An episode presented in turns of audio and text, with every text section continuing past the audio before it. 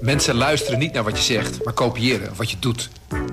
Onze vitaliteitsexpert Martin Hersman helpt je te focussen op wat echt belangrijk is. Beluister en bekijk Martin of een van onze andere experts op businesswise.nl. Businesswise, het nieuwe platform voor iedereen met ambitie.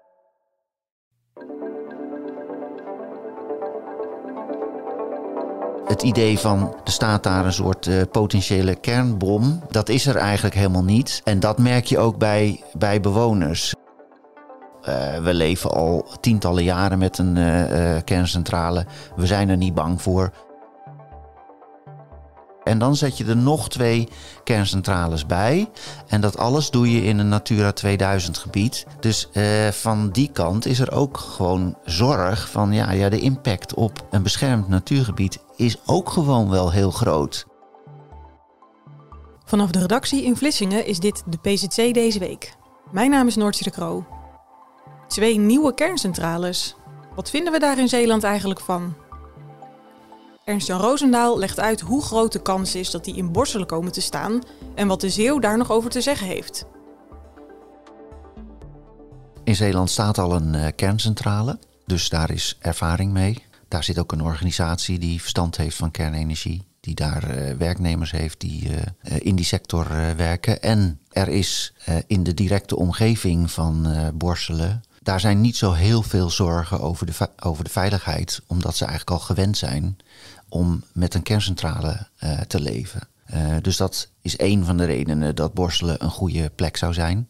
Verder moeten kerncentrales in de buurt van water staan. En uh, ze staan in Borselen natuurlijk echt direct aan het water. Ja. Dat is in verband met de koeling belangrijk. Dus dan, dat maakt Borselen tot een voor de hand liggende plek. Ja, jij schrijft er nu de laatste tijd veel over, hè? omdat de kans dus aanwezig is dat de kerncentrales hier komen. Maar is het nu al beslist? Nee, het is niet beslist. Uh, er is wel een stap in die richting uh, gezet. Uh, het kabinet heeft gezegd van we willen twee kerncentrales erbij bouwen. Dat hadden ze al in het regeerakkoord opgenomen. En nu hebben ze vorige week gezegd van onze voorkeurslocatie is Borselen. Dat betekent dat een heleboel onderzoeken die nodig zijn voor je een kerncentrale neerzet, dat die allemaal gericht zullen zijn op Borselen. Maar dat betekent niet dat er geen andere plek meer mogelijk is, want het kabinet heeft gezegd de Maasvlakte is ook nog een optie. Dus dat betekent dat uh, één belangrijk onderzoek, het, uh, het grote milieuonderzoek, wat is het effect op de omgeving, wordt niet alleen in Borselen uitgevoerd, maar ook op de Maasvlakte. Ja, maar waarom moeten er überhaupt twee kerncentrales bij komen? Uh, dat heeft alles te maken uh, met uh, de overgang naar duurzame energie en het terugdringen van de uitstoot van schadelijke broeikasgassen. In 2050 wil Nederland CO2-neutraal zijn. En dat betekent dat je dus energie moet produceren op een manier die de omgeving niet vervuilt. Dus niet met kolencentrales, niet met gascentrales. Kernenergie is in principe, daar wordt wel een beetje over getwist, maar is in principe CO2-neutraal. Uh, het is niet zo dat bij het maken van kernenergie uh, CO2 vrijkomt. Uh, iets anders is. Wel een heleboel schadelijk afval. Of dat bij de bouw natuurlijk. zo is. Toch? Ja, je krijgt wel schadelijk afval. Maar nogmaals, hè, waarom moesten er twee kernstralers bijkomen? Omdat je dus uh, die doelstellingen wil halen van een, uh, een schoner uh, milieu. En tegelijkertijd wil Nederland ook minder afhankelijk zijn van energie uit het buitenland. Kijk maar wat er gebeurd is met de oorlog in Oekraïne. Je wil eigenlijk niet afhankelijk zijn van het buitenland. Nou, als je twee kerncentrales neerzet, dan ga je dus schoner elektriciteit produceren. En je hebt ook een constante stroom aan elektriciteit. Er worden natuurlijk ontzettend veel windparken voor de kust neergezet. Er zijn uh, zonneparken. Maar die zijn wel afhankelijk van is er wind en is het niet bewolkt. Dus met kerncentrales heb je ook een constante stroom aan energie. Dus dan heb je eigenlijk ook een soort van basis uh, waar dan de duurzame energie als wind en, en zon nog eens bovenop komt. Precies, ja. En even terug naar, uh, terug naar Zeeland. Je zei net, er wordt altijd van uitgegaan dat in Borselen is wel draagvlak, want we hebben er al één. Maar weten we dat wel zo zeker? Nee, eigenlijk niet. Draagvlak is deels bestuurlijk draagvlak. Als je bijvoorbeeld kijkt naar provinciale staten, daar is een meerderheid van de partijen een voorstander van uh, nieuwe kerncentrales in Borselen. Nou, dat is natuurlijk een vorm van draagvlak, want politieke partijen uh, die hebben ook een achterban. Maar het is niet zo dat er uh, uit een enquête blijkt dat uh, zoveel procent van de bevolking het wel goed vindt. En bovendien doe je dan een enquête alleen in Borselen, in het dorp wat er vlakbij ligt. Of doe je dat in heel Zeeland, dan krijg je verschillende uitkomsten. Maar het lijkt me toch wel iets wat je voor moet leggen aan de Zeeuwen. Ja, en dat gaat dus ook gebeuren, want een van de belangrijkste besluiten die het kabinet vorige week heeft genomen, is dat er zeg maar in die voorbereiding om een kerncentrale of om twee kerncentrales in Borselen neer te zetten, is dat er begonnen wordt met een participatieplan. Een moeilijk woord voor uh, we moeten de bevolking erbij betrekken. Of eigenlijk we moeten uh, gewoon heel Zeeland erbij betrekken. Ja. Dus dat betekent dat ze eigenlijk uh, vinden dat iedereen moet kunnen meepraten. Dus dat betekent de industrie, de Zeeuwse industrie wil heel graag die kerncentrales. Want uh, grote chemische bedrijven die moeten uh, een overstap maken naar duurzame energie. En daar hebben ze heel veel schone elektriciteit voor nodig. Dus uh, ja, de industrie is natuurlijk een groot voorstander. Als je die gaat vragen, dan zeggen ze van ja, kunnen er niet genoeg zijn. Twee is misschien zelfs wel een beetje weinig. Mm -hmm. Dat betekent ook de politiek, dat is logisch. Ja. Maar dat betekent ook gewoon de inwoners in de omgeving die zich al aan het roeren zijn. Ja, dus moet ik hoe moet ik dat voor me zien? Stel, je bent er heel erg tegen. Betekent zo'n participatieplan dat er toch nog dat je toch nog kansen hebt, zeg maar, om daar uh, hè, om, om je mening te geven dat je het helemaal niet wil? Nou, kijk, iedereen is nu benieuwd naar dat participatieplan. Burgemeester Dijksterhuis van, uh, van Borselen die zei vorige week van... Uh, nou, uh, dan kunnen we eens kijken over een jaar of er goed naar ons geluisterd is. Dus dat plan is natuurlijk in eerste instantie gewoon van... we schrijven op met wie we allemaal moeten gaan praten... en op welke manier we het doen. Pas als dat hele proces doorlopen is, dan kan je van mensen horen... ja, hebben ze nou echt rekening met ons gehouden? is er echt naar me geluisterd? Maar het feit dat ze zo nadrukkelijk over zo'n plan praten, geeft wel aan dat de wil er echt is om goed naar de omgeving te luisteren. Ja, precies. En daar is ook, denk ik, door bestuurders in Zeeland heel erg op aangedrongen. Daarom zit dat er ook in. En dat geeft ook iets aan over dat draagvlak. Hè. Vroeger werd er eigenlijk blind van uitgegaan. In Zeeland is draagvlak. Ja, daar willen ze het wel. Ja, en dat zag je ook, ook uh, twee weken geleden. Alle media, wij ook, gingen het dorp in. En dan ga je vragen, uh, vinden jullie het erg als er een kerncentrale bij komt? En dan is een soort van algemene houding is van, nou, uh, we leven al tientallen jaren met een uh, kerncentrale. We zijn er niet bang voor. We profiteren er deels ook van. Mhm. Dus het kan wel. Ja. Alleen, je ziet nu toch wel een aantal andere tegengeluiden opkomen. Namelijk de impact op de omgeving. He, dus dan kun je het hebben over, uh, nu staat er één koepel, straks worden het uh, misschien wel drie koepels. Vind, vinden we dat mooi? Er is sprake van dat er misschien wel koeltorens komen te staan. Dat is zeer de vraag of het echt nodig is hoor. Maar als dat zo is, ja, dan is de impact nog groter. Ja. Maar waar de grootste vrees zit, is van uh, dat er nog veel meer hoogspanningsleidingen door Zeeland gaan lopen. Want ja, je gaat daar heel veel stroom produceren. Ja.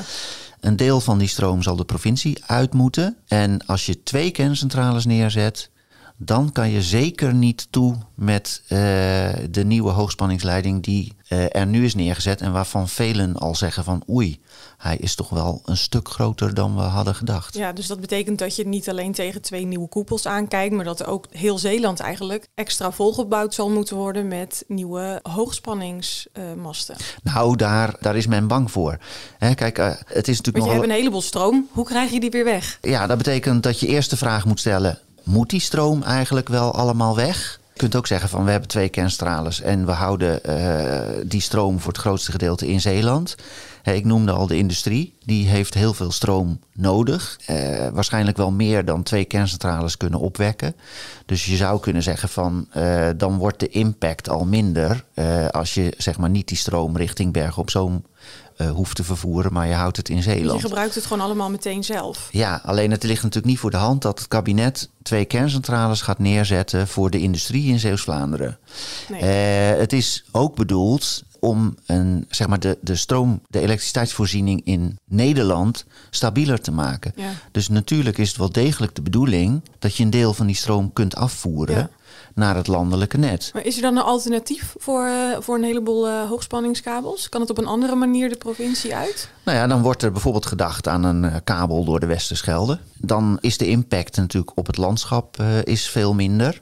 Alleen het roept allemaal weer nieuwe vragen op. Ten eerste, uh, hoe duur is dat? Waarschijnlijk een stuk duurder dan die hoogspanningsmasten. Uh, ik denk dat dat soort zaken uh, nu de komende twee jaar onderzocht gaat worden. En dat is ook weer beschermd natuurgebied. Nou ja, dat was. je bent me net voor eigenlijk de opmerking die ik wilde maken.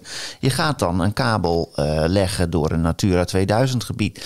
kijk, uiteindelijk, als die er ligt, zal de impact op het gebied misschien niet zo groot zijn. Ik heb daar onvoldoende verstand van.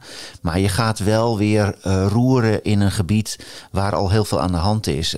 Daar wees vorige week Ira van Harras op, de directeur van de Zeeuwse Milieufederatie. Die zei van ja, kijk eens, de Westerschelde is al. de van, van allerlei zaken op de Westerschelde is al heel groot. Ehm, je hebt PFAS, je hebt CO2-uitstoot, je hebt een kabel uh, waarmee uh, de stroom van de windparken aan land komt. Als het goed is, komt er een kabel naar de overkant voor de industrie in Zeeuws-Vlaanderen. De voortdurende verdieping van de Westerschelde. Er staat al een kerncentrale. Van de week kregen we te horen dat er een idee is voor een LNG-boot in Terneuzen. En dan zet je er nog twee kerncentrales bij. En dat alles doe je in een Natura 2000 gebied. Dus van die kant is er ook gewoon zorg van ja, ja, de impact op een beschermd natuurgebied is ook gewoon wel heel groot. Ja, en je noemde net ook, van dat is dan ook weer een heel duur alternatief om het op die manier te doen. Wie gaat het eigenlijk allemaal betalen als je doorgaat? Nou ja, de, de vraag is eerst van, uh, is het een heel veel duurder alternatief dan hoogspanningsmasten? Die lijken mij ook nogal uh, uh, duur, dus dat zal iets zijn wat, wat onderzocht wordt. En ik denk dus dat als het gaat om de infrastructuur in Nederland, dat dat een, een, zaak is van de overheid. Ehm, die wil elektriciteit over het land verdelen, dus dat is voor een groot deel, denk ik, een zaak van de overheid. Maar goed, je hebt ook een, uh, een bedrijf dat die kerncentrales wil neerzetten. Het is nu aantrekkelijker gemaakt voor zo'n bedrijf om te gaan investeren in Nederland, omdat de overheid meedoet. En er is alvast uh, eh, 5 miljard apart gezet uh, voor de ontwikkeling van, van kernenergie in Nederland. Dan heb je nog lang niet genoeg geld hoor, maar tot pak een beet anderhalf jaar geleden was het geluid vooral. Je mag best een kerncentrale neerzetten. Maar ja, moet je hem wel betalen. En er was helemaal geen interesse voor. Nee. dus als er constructies zijn waarbij met name het risico dat een ondernemer loopt met het neerzetten van een kerncentrale, dat dat enigszins wordt afgedekt door de overheid, dan wordt het uh, wel interessant. Ja. Hoe lang gaat een kerncentrale eigenlijk mee? Nou, dat verschilt. Het verleden wijst uit dat uh, de houdbaarheidsdatum uh, eigenlijk steeds langer wordt. Ja. Uh, de kernstralen van Borselen, die is begin jaren 70 is die geopend. En die zou eerst in 2003 gesloten worden. Dat werd 2013. En 2013 werd 2033. Dat is nu eigenlijk nog de datum waarop die dicht zou moeten. Maar in datzelfde besluit vorige week eh, om Borselen aan te wijzen als eh, voorkeurslocatie voor twee nieuwe kerncentrales. Daar zit ook in eh, het onderzoek en eigenlijk gewoon het voornemen om de huidige kerncentrale nog weer langer open te houden. En dan moet je, denk ik, wel weer denken aan 20 jaar. Er wordt wel eens gesproken over 10 of over 20. Ze, ze gaan nu onderzoeken. Hè, van kan dat? Is dat veilig? Uh, wat voor investeringen uh, zijn er nodig? Maar uh, dat die langer open blijft dan 2033, dat is vrijwel zeker. Ja, wie zouden ze eigenlijk kunnen denken van ben je er bijna vanaf van je kerncentrale? Worden het er drie? Ja, maar zo zie je natuurlijk hoe uh, meningen kunnen veranderen. En je kan het nooit allemaal voorzien. Kijk, voor heel veel mensen is kernenergie nog steeds niet de ideale vorm van energie, omdat je uh, nucleair afval produceert wat echt heel lang schadelijk blijft. En daar moet je een oplossing voor vinden. En dus dat is een belangrijke reden om te zeggen dat moeten we niet willen. Maar tegelijkertijd, uh, ja, we merken het allemaal uh, inmiddels aan onze eigen uh, energierekening. er is een enorme energiecrisis gaande in de wereld. We hebben te lang gedacht dat we dat samen konden oplossen en dat je wel het bij een, een, land als Rusland kon inkopen. Dus ja, uh, meningen daarover veranderen. En, en dan wordt de deur naar kernenergie ineens opengezet. Terwijl uh, hij eigenlijk bijna gesloten was. Ja, en net hè, zei je dat um, op het moment dat zo'n beslissing, of dan de beslissing is er nog niet, maar dan wordt er over gesproken dat uh, in zicht is als locatie. Dan gaat iedereen vragen in Borselen, wat vinden we er nou van?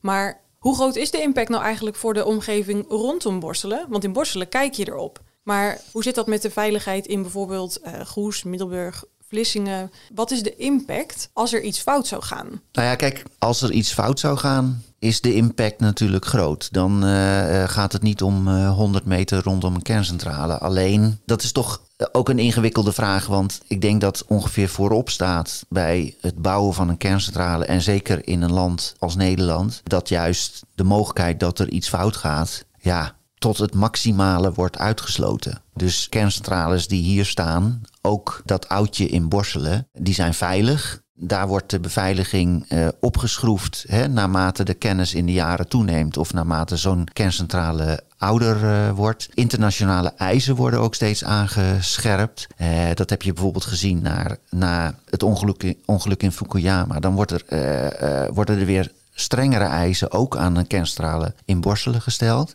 Um, dus het idee van er staat daar een soort uh, potentiële kernbom, dat is er eigenlijk helemaal niet. En dat merk je ook bij, bij bewoners. Hè. Uh, in, in een grote ring rondom de kerncentrale hebben huishoudens jodiumpillen. Nou, ga eens in Middelburg of in Goes vragen waar ze hun jodiumpillen bewaren. En ik denk dat heel veel mensen moeten nadenken: oh ja, verrek.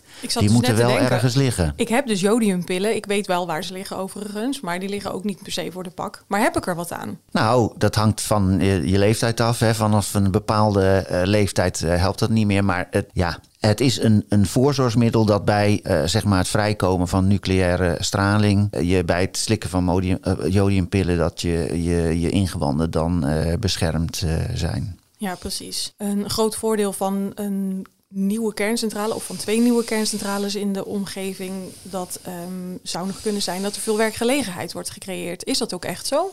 Nou, dat is wel zo, maar je kan er wel weer over twisten uh, hoe groot het voordeel is. Je hebt uh, zeg maar voor de bouw, die pak een beet uh, wel een jaar of tien of een jaar of acht kan duren, heb je duizenden werknemers nodig. Maar daarvan mag je verwachten dat dat dus mensen zijn die van buiten tijdelijk in uh, Zeeland komen werken. Tijdelijk is dan wel een vrij lange periode. Dus je hebt huisvesting nodig, enzovoort, enzovoort, enzovoort. Dat betekent wel degelijk een voordeel. Je krijgt meer mensen in Zeeland, er is werk, je hebt voorzieningen nodig. Mensen verdienen uh, er ook uh, aan. Zeeuwen zelf kunnen ook natuurlijk in die sector gaan werken. Aan de andere kant wordt er ook heel erg gevreesd voor de impact. Het is natuurlijk ook toch iets alsof je drommen arbeidsmigranten op één plek laat werken. Dus er komen natuurlijk ook wel problemen bij kijken. Maar goed, strikt genomen extra werkgelegenheid, ja, dat wordt natuurlijk wel als een voordeel gezien. En dan heb je daarnaast nog de structurele uh, werkgelegenheid. Het idee is dat twee nieuwe kerncentrales uh, 800 permanente banen kunnen opleveren. Over het algemeen ook ook best wel uh, hoogwaardige werkgelegenheid. Waarvoor hoogopgeleide mensen zich uh, mogelijk permanent in Zeeland gaan vestigen. Exact wat, wat een provincie graag wil. Ja. En de provincie zou zelfs zeg maar dat nog willen uitbreiden. Die willen heel graag een nucleair cluster. Oftewel aanverwante industrie, maar vooral ook onderwijs uh, zou dan ook in Zeeland gevestigd uh, moeten worden. En dat is natuurlijk wel een interessante gedachte. Dat jonge mensen die in uh, de nucleaire technologie werkzaam willen zijn, dat die al naar Zeeland komen om daar opgeleid te worden bijvoorbeeld. Ja, precies. Wat denk jij? Gaan ze er komen? Ik denk dat ze er gaan komen, ja. En ik denk ook dat ze in Borselen komen. Dit was de PZC deze week. Je hoorde Ernst-Jan Roosendaal. Ik ben Noortje de Kroo en volgende week zijn we er weer met een nieuwe aflevering. Tot dan!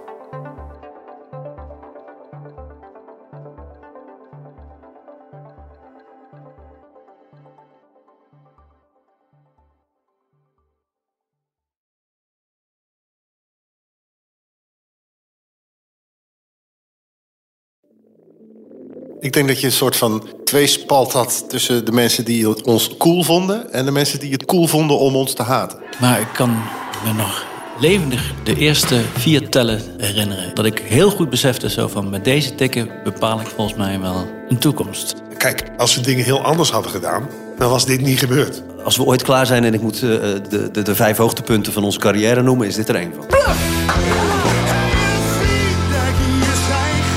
30 jaar bluff. De verhalen die je nog niet kent. Aan de hand van 10 songs. Dit is de podcast 30 jaar bluff. Waaraan we verdwijnen. Met Peter, Bas, Norman en Pascal.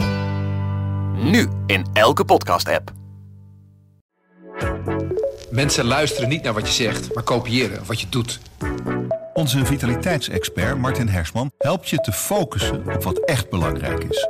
Beluister en bekijk Martin of een van onze andere experts op businesswise.nl. Businesswise, het nieuwe platform voor iedereen met ambitie.